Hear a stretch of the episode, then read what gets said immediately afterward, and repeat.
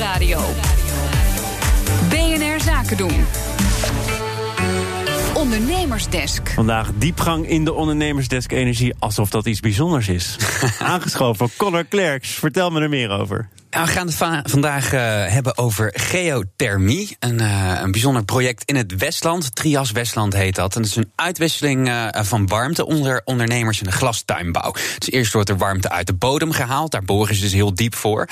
Um, ondernemers kunnen daarop intekenen. En directeur Marco van Soerland die legt uit hoe het werkt. Ja, bij geothermie gaat het erom dat je warmte probeert te oogsten uit de diepe ondergrond. Uh, dus wat we doen is twee boringen maken naar een aardlaag waar in het gesteente zich water bevindt.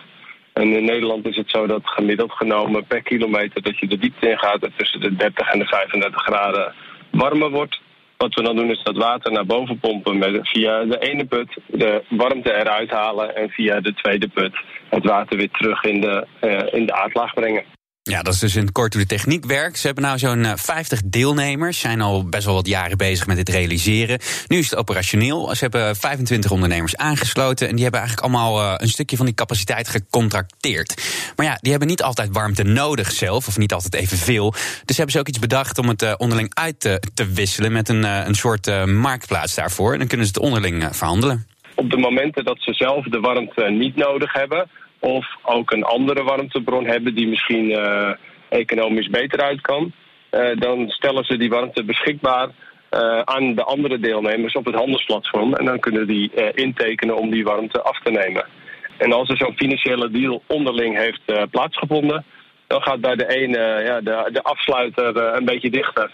En bij de andere gaat hij iets verder open, zodat er iets meer warm water van de ene naar de andere ondernemer gaat. En dit hele systeem dat ontstaat en bestaat dus omdat er geen constante energiebehoefte is. Ja, precies. En dat heeft dan een paar redenen. Ten eerste eigenlijk, uh, ja, veel ondernemers in de glastuinbouw... die hebben een WKK, is een warmtekrachtkoppeling. Uh, ja, daar wordt met brandstof uh, tegelijkertijd warmte, energie en CO2 opgewekt. En dat kan goedkoper uitpakken dan die geothermie.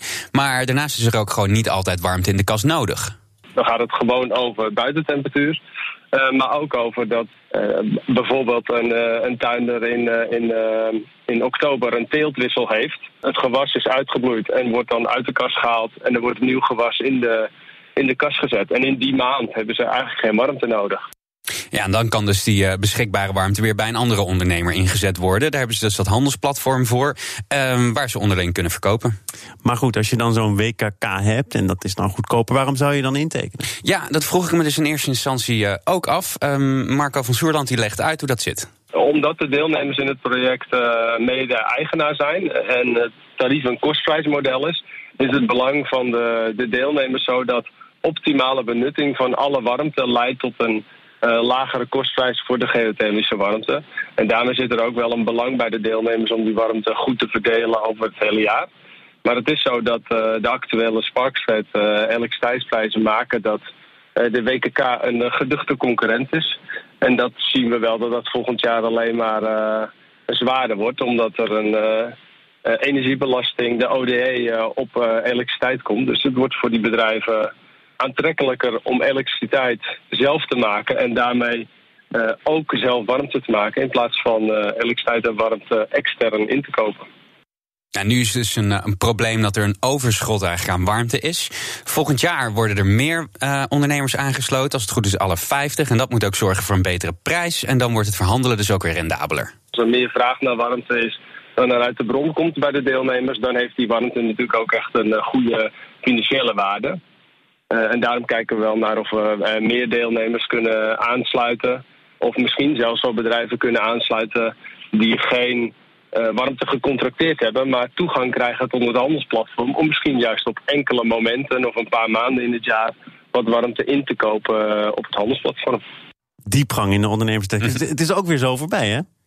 Hoe bedoel je? Nou, die diepgang, het is nu weer klaar. Ja, ja, ik heb maar vijf minuten, spijt me. Connor, het waren wel vijf minuten die de moeite waard waren. Wil je nou meer horen uit de Ondernemersdesk... dan vind je alle afleveringen terug als podcast... via onze site of de BNR-app. De Ondernemersdesk Energie wordt mede mogelijk gemaakt door Enpuls. Enpuls, baanbrekende ideeën voor de energietransitie.